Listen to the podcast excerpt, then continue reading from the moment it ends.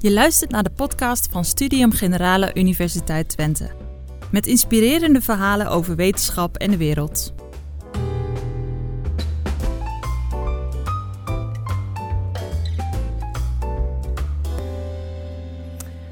Hoewel sommigen denken dat non-verbale communicatie dus eigenlijk veel belangrijker is dan wat je zegt, is de stem toch het meest belangrijke communicatiemiddel. Onze spreekster van vanavond zal het niet alleen hebben over hoe je je stem krachtdadiger uh, kunt laten overkomen, maar ook hoe je stem werkt. Dus ik introduceer onze spreekster. Zij is uh, zangeres, stemcoach, ook de stem bij uh, zenders op televisie en op radio. Um, en je vindt het vooral heel erg leuk om uh, ons uh, te vertellen hoe we onze stem beter kunnen gebruiken, zodat die echt past bij onze persoonlijkheid. Het woord aan Debbie Moreau. Dank u. Ik hoop dat ik goed te verstaan ben. Ja, u had wellicht geen Vlaams verwacht? Nee, nee. Dat is ook helemaal niet zo, want ik spreek helemaal geen Vlaams. ik kan doen alsof ik Vlaams spreek. Ja, dat was natuurlijk een grapje. Eh, stem is zo veelzeggend over wie je bent en waar je vandaan komt. En uh, ook wil ik jullie vandaag heel veel laten ervaren zelf over jullie eigen stem. Ja, waarom begon ik in het Vlaams? Er is iets bijzonders met dat Vlaams. Dat Vlaams, als je naar mijn mond kijkt, als je ziet hoe ik dat uitspreek, je kent wel Jambers op de televisie. Hè? En Jambers die spreekt ook zo, overdag studeert hij op de universiteit, maar s'avonds, en dan komt er iets heel uh, ludieks. En het leuke is dat zo'n stem, die raakt al. Wij zijn gebiologeerd door zo'n stem. We, we kunnen niet wachten om te horen wat die stem te zeggen heeft. En waarom is dat? Dat wordt later duidelijk. Want er is iets met dat Vlaams, als je goed luistert, is de stem ook echt een beetje hees en laag. Als je laagte en heesheid hoort, dan wordt dat als intiem ervaren. Nou, um, eerst even iets, even terug. Ik spoel even terug, hè. Uh, even wat over mij. Wat ik doe, dat hebben jullie net al een beetje gehoord. Ik uh, werk als stem- en presentatiecoach bij de omroepen NOS, RTL, Afro-Tros, RTV Oost, uh, NPO. Dat is, zijn eigenlijk de omroepen waar ik werk. Dus de mensen die je op camera ziet, daar werk ik mee om te zorgen dat ze uh, authentiek, echt, betrokken, overtuigend overkomen. En dat kan natuurlijk niet door zonder het ook echt te menen. Er zijn mensen die die zeggen dingen om effect te sorteren. Daar hoeven we het niet over te hebben, want dan wordt het politiek vanavond. Maar over het algemeen kun je ervan uitgaan dat als iemand overtuigend overkomt, dan voelt hij ook echt wat hij zeggen wil. Um, een deel van mijn werk betekent ook dat ik uh, met mensen kijk naar welke persoonlijkheid heb je dan. Wat is jouw missie? Wat wil jij overdragen? Wat hoort bij jou? Um, welke persoon wil jij laten zien? Wat maakt dat het leuk is om naar jou te luisteren? Wat maakt dat het leuk is om naar je te kijken? Wat maakt dat het fijn is om naar jouw gezicht te kijken terwijl je aan het presenteren bent? Of niet? En we vinden er allemaal wat van, hè? Dus we vinden er sowieso wel iets van. Wat iemand aan heeft, wat er bij het journaal aan heeft. Ik, als ik met Nicolien en met uh, Amara werk bij, uh, bij Buienradar, dan is het elke keer op Twitter wel van, oh, ze had zo'n rare jurk aan. Of hè, de mensen vinden altijd wat van je als je op televisie bent. Maar ook van je stem op de radio. Ik heb heel veel gewerkt met mensen die stemklachten hebben als logopedist. Want van oorsprong ben ik logopedist, gespecialiseerd stemtherapeut. En zo verder richting communicatie en presentatie. Dus mijn achtergrond is paramedisch. Ik bemoei me met klantcontact, met de klantreis bij bedrijven dan gaat het over wat maakt nou dat degene die je aan de telefoon heeft, dat je die vertrouwt. En dat je daar mm, een prettig gevoel bij hebt en een goed gesprek mee hebt, vooral dat. Dat is heel belangrijk. Dat zit hem in een aantal aspecten die ik nu met jullie ga behandelen. Um, je stem, als je in de baarmoeder van je moeder, als je in de baarmoeder zit bij je moeder, zo moet ik het zeggen. Dan is er een fase waarin je oren ontwikkelen. Je, oren, je gehoor ontwikkelt zich. En een van de alle, alle, alle, allereerste dingen die je hoort is natuurlijk de hartslag van je moeder, het geruis van de bloedvaten, maar ook haar stem. En dat een stem hardwired is in ons brein, dat is natuurlijk prachtig. En dat is ook van overlevingswaarde. Want omdat je weet, dit klinkt vertrouwd, dit is waar ik moet zijn, dit is waar ik moet zorgen dat ik daarbij blijf, maakt ook dat je weet, ik hoor iets grommen, daar moet ik wegwezen. Daar moet ik niet in de buurt zijn. We slaan bepaalde herinneringen op. Een stem is prettig.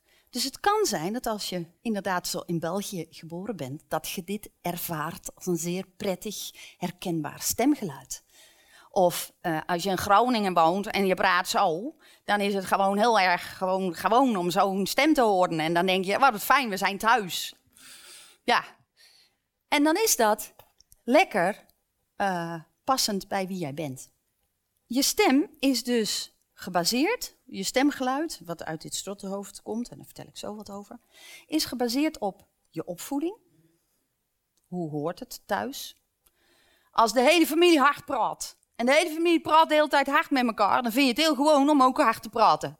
En dat herkennen jullie, hè? Je weet van zoals ons moeder en vader thuis praten, zo praten we eigenlijk van in onze jeugd mee. Wat interessant is, is dat je stem natuurlijk ook gebaseerd is op opleiding. En dat vind ik dan leuk, want stel dat je in Twente geboren bent, maar je gaat studeren in Leiden. Wat gebeurt er, wat gebeurt er dan met die stem? Ik doe, ik doe maar wat, hè? Ja, gaat aanpassen aan het groepsgedrag van waar je bij wil horen. De stem is ook modegevoelig, uh, cultuurgevoelig.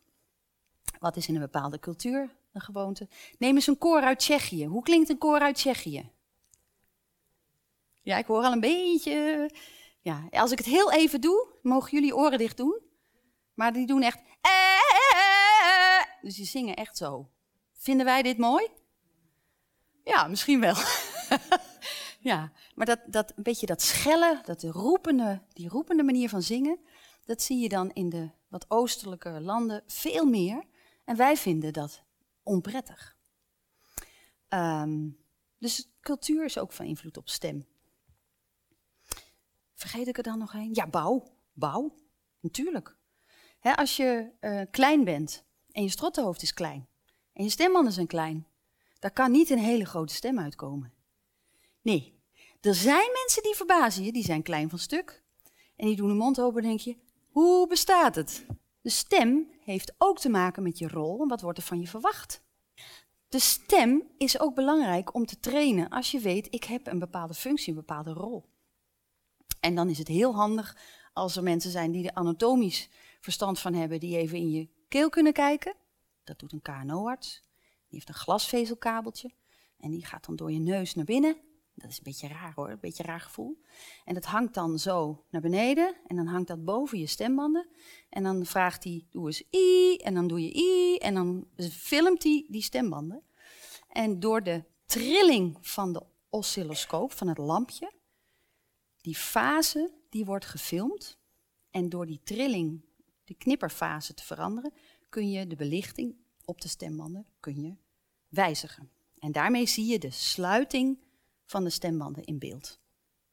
En dus kun je dat vertragen en versnellen. Is een heel mooie techniek. Je persoonlijkheid is van invloed.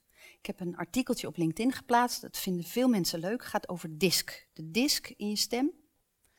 Zegt iemand de disk wat? De persoonlijkheidstypen rood, blauw, geel, groen worden veel in bedrijven, wordt er gebruik gemaakt van de disk.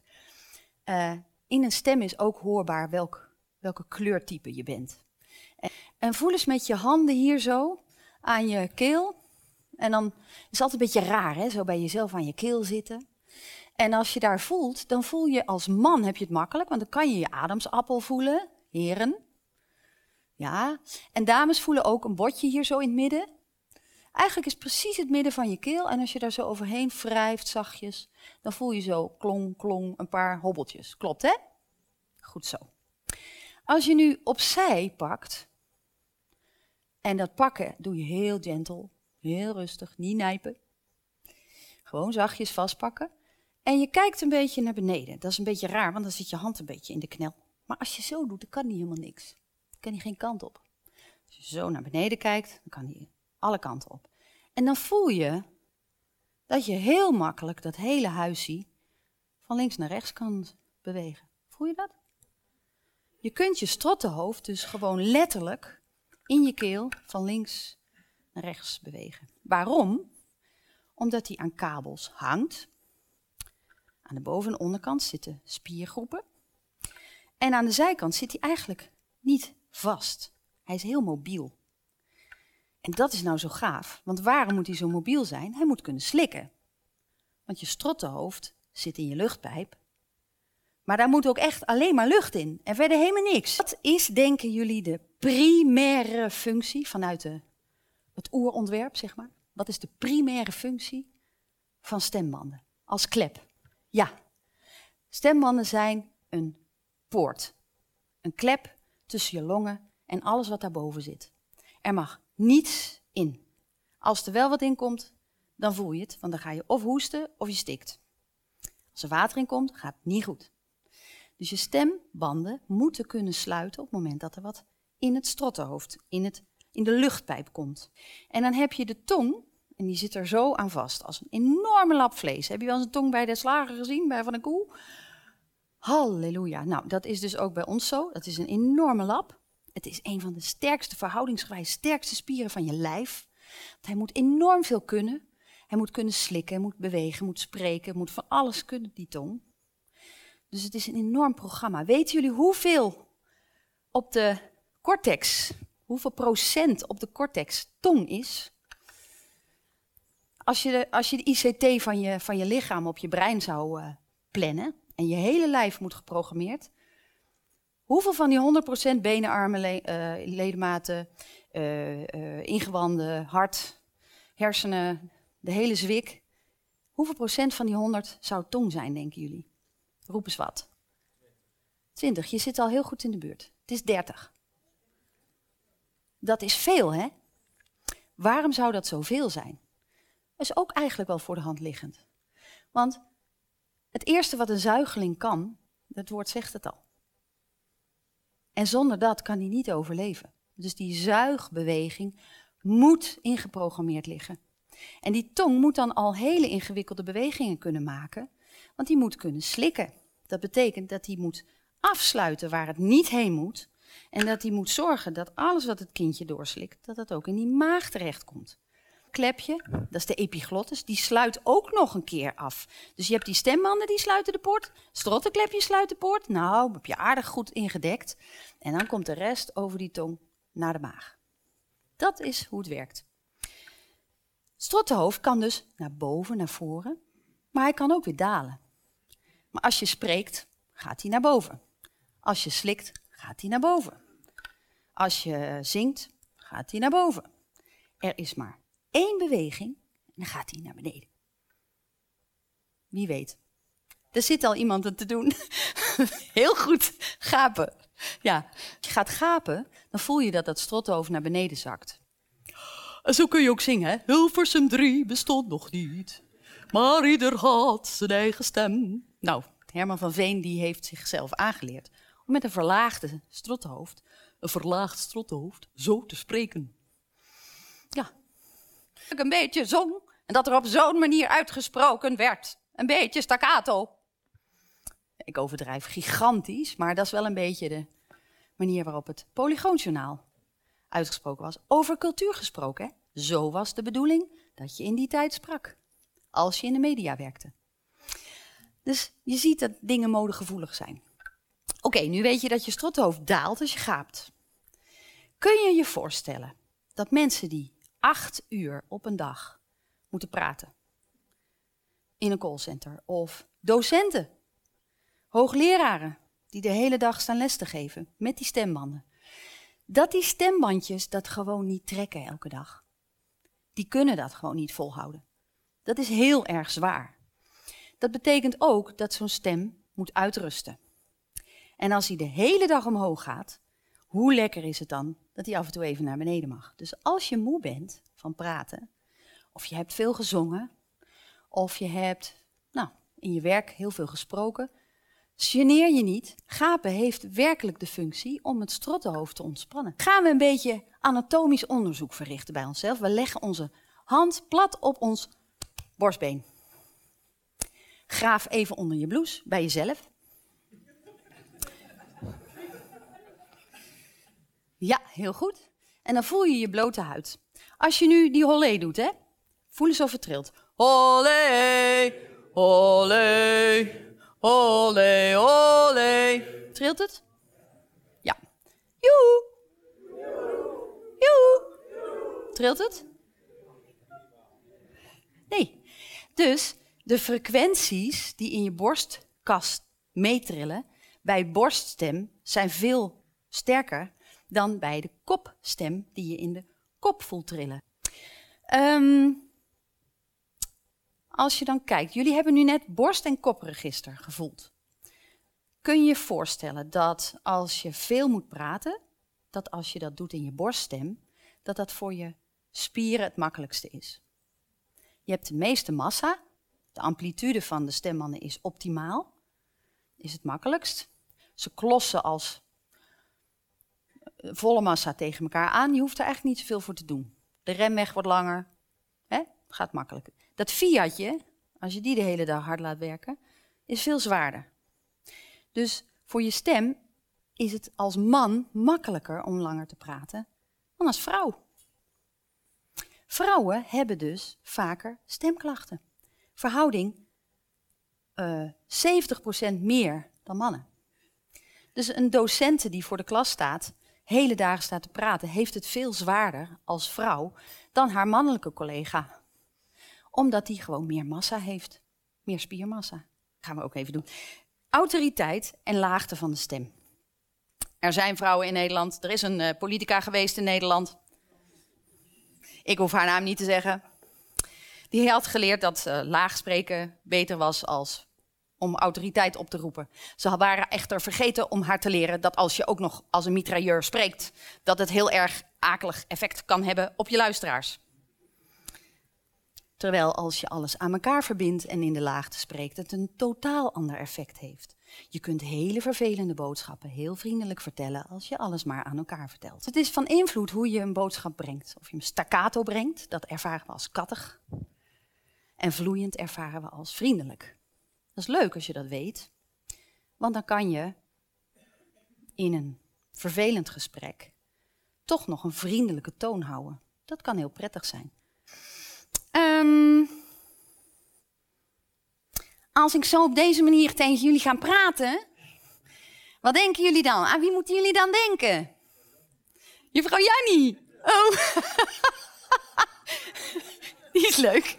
Juffrouw Jannie. Ja, maar als ik nou zo zeg, ja, sorry. Ja, Mark-Marie Huibrechts. Ja, sorry, ja, ik ben een vrouw natuurlijk. Maar wat jullie nou horen, dat is nasaliteit. En nasaliteit, dat doe je door het klepje wat achter je keel zit, door dat open te houden en alles naar je neus te brengen, al het geluid. Wat ik ook zeg, ik stuur er allemaal mijn neus in. Kun je je voorstellen dat als jij slecht hoort, je bent doof of slechthorend geboren, dat jij nooit verschil hebt leren horen tussen oraal en nasaal? Want dat kan je niet zien. Dus dan praat je zo. Ik kan niet goed horen. Ik ben doof. Ga je dan zeggen. Want het is, omdat dat strottenhoofd, dat werkt wel, maar dat verhemelte achter in je keel, dus wat ik train bij mensen die op televisie komen en die gewoon net als ik gewoon eh, eigenlijk helemaal niet zo duidelijk spreken als ze gewoon in het begin beginnen, dan gaat het gewoon niet zo heel erg stevig en er is ook niet zo gedefinieerd allemaal, dat is gewoon een beetje slap. En uh, dan gaan we dus oefenen. En dan oefen je. Jullie mogen beginnen met bijvoorbeeld uh, pataka pataka pataka pataka pataka pataka pataka pataka pataka pataka pataka pataka pataka pataka pataka pataka pataka pataka je kunt je voorstellen, die eerste tien keer gaan nog wel. Maar dan na tien keer, dan ontstaat er een beetje kortsluiting tussen die motoriek en dat brein. Want je brein weet, ik moet pataka zeggen. Maar je motoriek zegt, ik kan niet meer. Dus je krijgt een soort kortsluiting en die motoriek kan dat niet volhouden. Kopje cappuccino, kopje cappuccino, kopje cappuccino, kopje cappuccino. Werken, hè? Dus die ouderwetse, de kat krab de krullen van de trap, waren zo slecht nog niet, hè? Nee, want je moet die motoriek een beetje trainen, wil je veel spreken. En als je pittig en smakelijk wil spreken, dat betekent dat je heel veel motoriek in je mond moet hebben. En die had ik ook niet toen ik gewoon uit Breda kwam en gewoon voor het eerst de logopedie ging studeren. Dus daar heb ik heel hard op geoefend. En het is een soort smakelijkheid die je dan moet oefenen. En daar wil ik met jullie uh, wat meer oefeningetjes mee gaan doen. Um, laten we beginnen met de kaak. Er is een we hebben weer een politica weer een politica. Ik moet even altijd wennen aan haar. Maar als ik eh, haar probeer te evenaren, dan begin ik altijd met mijn kaken op elkaar te houden. En dan uh, een beetje glimlach vast te houden. Oh ja, en dan moet ik eigenlijk ook nog een beetje duwen met mijn stem. Want dan krijg je deze manier van spreken. En dan heb je eigenlijk. Wie heb je dan? Ja, juist. En zij kan ook heel veel uitdrukken met een geaffecteerde manier van spreken. Dus het blijft op deze manier klinken. En ze zegt op deze manier, moet ze ook inademen. Want ja, als je je kaken niet open doet, moet je door je kaken naar binnen slurpen. Femke Halsma. Je kaken, als je het hebt over overtuigingskracht, zijn je kaken enorm van invloed. Ik zal eens even een poosje met jullie praten. Dan moet ik even een end in de, in de lucht uh, praten. Nou, ik kan wel proberen wat zinnigs te zeggen. Soms lukt dat. Dan ga ik tegen jullie praten en dan beweeg ik eigenlijk mijn kaken niet. En uh, ik zal stilstaan dat jullie goed kunnen kijken. En als ik zo'n tijdje tegen jullie praat, dan lijkt het na verloop van tijd of ik zelf niet heel erg betrokken ben bij de inhoud van mijn stof. Dus wat je ziet is dat ik een soort van stardere gezichtsuitdrukking heb. En hoe ik het ook meen of voel, dat is niet meer zo zichtbaar voor jullie. Dus als ik zo doorga, lijkt het na tien minuten alsof ik er erg zakelijk in sta. En dat ik eigenlijk niet zo heel erg betrokken ben bij de inhoud van mijn verhaal. Op het moment dat ik dit doe, dan hoor je geluidsverschil. Je ziet verschil in mijn gezicht. Je ziet verschil in de mimiek. En je ziet ook dat ik geloof, in ieder geval geloof ik wat ik zelf zeg. Of jullie het geloven, weet ik niet. Maar ik geloof in wat ik jullie vertel. Dus kaken zijn uitermate belangrijk als het gaat om overtuigingskracht. En dat maakt ook dat er ook iets van, en dat vind ik altijd heel intrigerend, als je het hebt over status, onze koningin. Het is natuurlijk niet heel erg logisch dat de koningin mij moet overtuigen. Hè, de koningin is de koningin. Dus waarom zou ze hard werken voor mij? Hè? Dus eigenlijk laat ze met deze manier van spreken een stukje autoriteit zien en een stukje waardigheid. En ook, ik laat het achterste van mijn tong niet zien. En daarmee straalt ze ook een stukje, ja, het is een klein beetje arrogantie, maar van haar kunnen we dat prima hebben, want dat past bij haar rol. Als we een baas hebben die zo tegen ons spreekt, dan zou het zomaar kunnen dat je hem niet heel erg aardig gaat vinden. En dat ligt dan puur aan mimiek. Soms hebben mensen het niet in de gaten. We gaan een uh, spelletje doen. Vinger op je kin, we gaan eens kijken of jullie kaken het doen. Er was eens een Ahmad in Bagdad. Jullie mogen. Er was eens. En voel, voel of je kin echt naar beneden gaat. Hè? Die lag plat op zijn gat op de badmat. Zo las hij zijn dagblad. En iedereen zag dat. Het is raar, maar in Bagdad, daar mag dat. Oké, vinger weg. Er was eens een Ahmad in Bagdad. Die lag plat op zijn gat op de badmat. Heel goed. En jullie hebben allemaal je kaken bewogen. Nou goed, dat was uh, de kaakbeweging. Lippenronding. Hoe heb je zo vlot je huis verkocht? Dat zinnetje. Hoe heb je zo vlot je huis verkocht? Dat kan ik zo zeggen, met de lippen zeg maar gelijkmatig. Dan beweeg ik wel mijn kaak, maar ik tuit mijn lippen niet. Dus ik, uh, en dan ga ik, ga gelijk weer Brabants praten, praten. Horen jullie dat? Ja, ik zal gewoon netjes proberen te praten, maar dan niet mijn lippen te tuiten. Dan verandert er ook iets in de uitspraak. Je hoort dat het minder kleur heeft dan als ik wel mijn lippen tuit. Hoe heb je zo vlot je huis verkocht? Proberen jullie dat zinnetje eens. Met je lippen getuit. Heel goed. Wat raar is, is dat er voor je gevoel klopt het motorisch niet met wat je normaal voelt.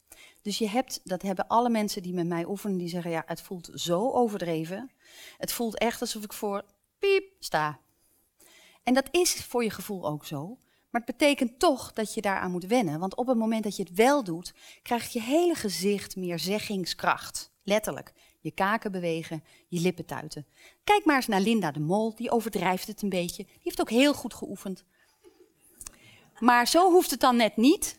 Dus het gaat erom dat het natuurlijk is, maar dat je wel beweegt. En over het algemeen bewegen wij Nederlanders bijna niet met onze mond. Dat is tegenovergestelde met Vlamingen. Want Vlamingen spreken heel erg veel gearticuleerd. Die tuiten de lippen, die bewegen de lippen ook met de W, hè, W, W, zeg maar dus W. W, dat lijkt een beetje op de Surinaamse W, hè? W. Ja, way. Wij zeggen de W niet met onze lippen getuid naar voren. Wij zeggen niet wij. Wij zeggen wij. Dus je onderlip tegen je boventanden. Wij. Dat is in het Nederlands. Maar als je Vlaams spreekt, zeg je wij. Wij. Ja. En dan gebeurt er heel veel bij die mond. Dus wij kijken graag naar Vlamingen die spreken. Dat is gebleken uit onderzoek. Wij vinden het prachtig als goede Liekens. Maar ja, dat is goede Liekens ook, hè. Dan moet ik eigenlijk een ander voorbeeld, hè. Ja, ja. Dus dat, is een prachtig voorbeeld van. Dat is iemand waar je graag naar kijkt en luistert. Um, nou ja, de articulatie hebben we al gedaan met een kopje cappuccino en zo. En dan ga ik nog heel even wat over tempo vertellen. Tempo. uh, tempo. Tempo is enorm van invloed op of het klikt of niet. Als je gesprek, dat vind ik zo boeiend hè, dit. Uh, als je gesprek hebt met iemand en het klikt niet, let dan eens op of jullie tempo overeenkomt.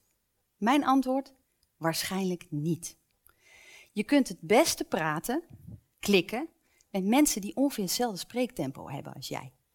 En als je dan lekker samen zo zit te improviseren en zit te kletsen, twee vriendinnen die met elkaar zitten te kletsen, let maar eens op, hun lichaamshouding spiegelt en dan spiegelt ook hun tempo.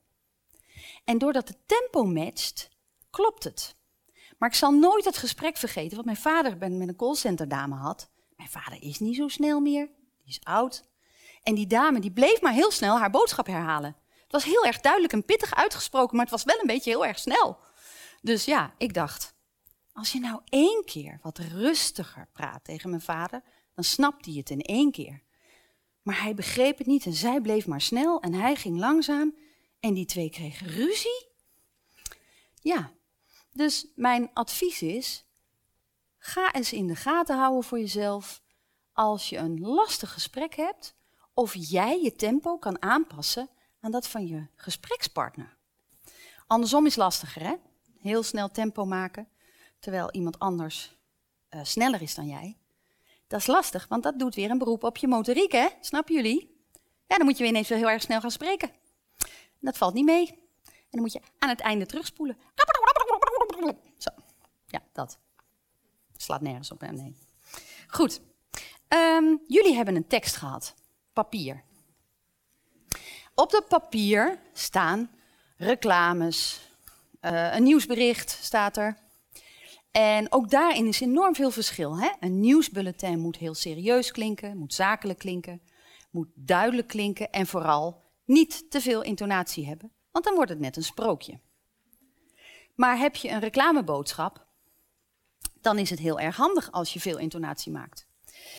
Als je nasaal spreekt, gebruik je 4000 hertz. En dan kom je dwars door lawaai heen. Dus als jullie nou in de kroeg staan en je staat je helemaal kwijt te schreeuwen, zeg je gewoon drie bier. Kun je je voorstellen dat dit soort teksten oefenen, dat dat helpt? Nu heb je een zakelijke tekst gedaan. Gaan. Toe aan een echte strandvakantie. Die boek je beter bij Holiday Ideal. En dat is een echte reclametekst. Holiday Ideal, gegarandeerd beter in prijs en advies. Ik hoor prachtige, prachtige teksten omheen. Supergoed. Merk je dat je dan veel harder werkt dan je normaal werkt? En dat het totaal over de top is? Ja, kun je je voorstellen dat het toch effect heeft? Ja, dus het is goed om over de top te kunnen gaan. Terugschroeven kan altijd nog. Je kan altijd een tandje minder. Maar tandje meer, dat zijn we niet gewend. Dus daag jezelf uit als je belangrijke tekst hebt om hem dan ook echt te verkopen. Probeer dat maar eens. Ja, nou is dit heel erg overdreven. Maar zo kun je je voorstellen dat als je een serieuze tekst hebt, dat je wint, wint als je witjes kunt laten. Niet windjes laten, witjes laten. Witjes laten vallen betekent dat je af en toe een stilte laat vallen. Nu heb ik er constant één gelaten. Maar als je een belangrijke tekst uitspreekt en je hebt een belangrijke boodschap, dan kan het enorm van invloed zijn om op bepaalde plekken even je tekst neer te leggen. Dat heeft veel meer impact dan alles in hetzelfde tempo doorspreken. Want als we dat doen, dan vallen onze oren gewoon in slaap. Want het kabbelt de hele tijd verder en dan maakt het niet. Dus het is heel belangrijk om pauzes te laten vallen. Een heel krachtig instrument als je impact wil hebben met hetgeen je te zeggen hebt. Uh, dat leer ik journalisten, dat leer ik nieuwslezers. Nieuwslezers hebben het echt lastig. Nieuwsteksten moet je als een blok kunnen optillen en pas bij de allerlaatste regel laat je horen, nu is het echt klaar. Bij uh, Sublime is een, uh, een, groepje nieuwslezers, zijn jong, nieuw, en uh, daar ben ik mee aan het werk. Dus elke keer als ik met ze aan het werk was, dan zei ik, nou lees maar een stukje. En dan kwam het stukje tekst en dan hoorde ik dat voorbij komen en dan was het weer klaar. En ik dacht, het is klaar. Maar dan ging het toch weer verder op dezelfde onderwerp en het onderwerp ging nog een stukje verder. Hoe laat je horen dat in een nieuwsblok die tekst bij elkaar hoort? Dat doe je door je zinsmelodie niet helemaal neer te leggen. Dit is een punt. Maar je kunt het aan elkaar houden door het een beetje een opsomming te maken en te zorgen dat de volgende zin, die wel een punt heeft, nog steeds lijkt alsof het hetzelfde onderwerp is, maar dan met een komma. Waardoor je denkt bij de volgende zin, het is nog steeds hetzelfde onderwerp. En nog steeds gaan we door over hetzelfde onderwerp. Dit klinkt een beetje raar, want ik hoer en end in de ronde. Maar jullie snappen wat ik probeer te doen. Ik probeer met mijn intonatie te laten horen dat het nog steeds de spanning vasthoudt en nog niet neerlegt. Dat is moeilijk aan nieuws lezen. Verder is het moeilijk om niet te veel intonatie te maken, alles in een rechte lijn wat het bij elkaar hoort en alleen de belangrijkste zaken til je op. Dat is wat je met melodie doet bij nieuws. Al zes nummers leer ik jullie nog maar even niet. Helaas. een hartelijk applaus voor Debbie.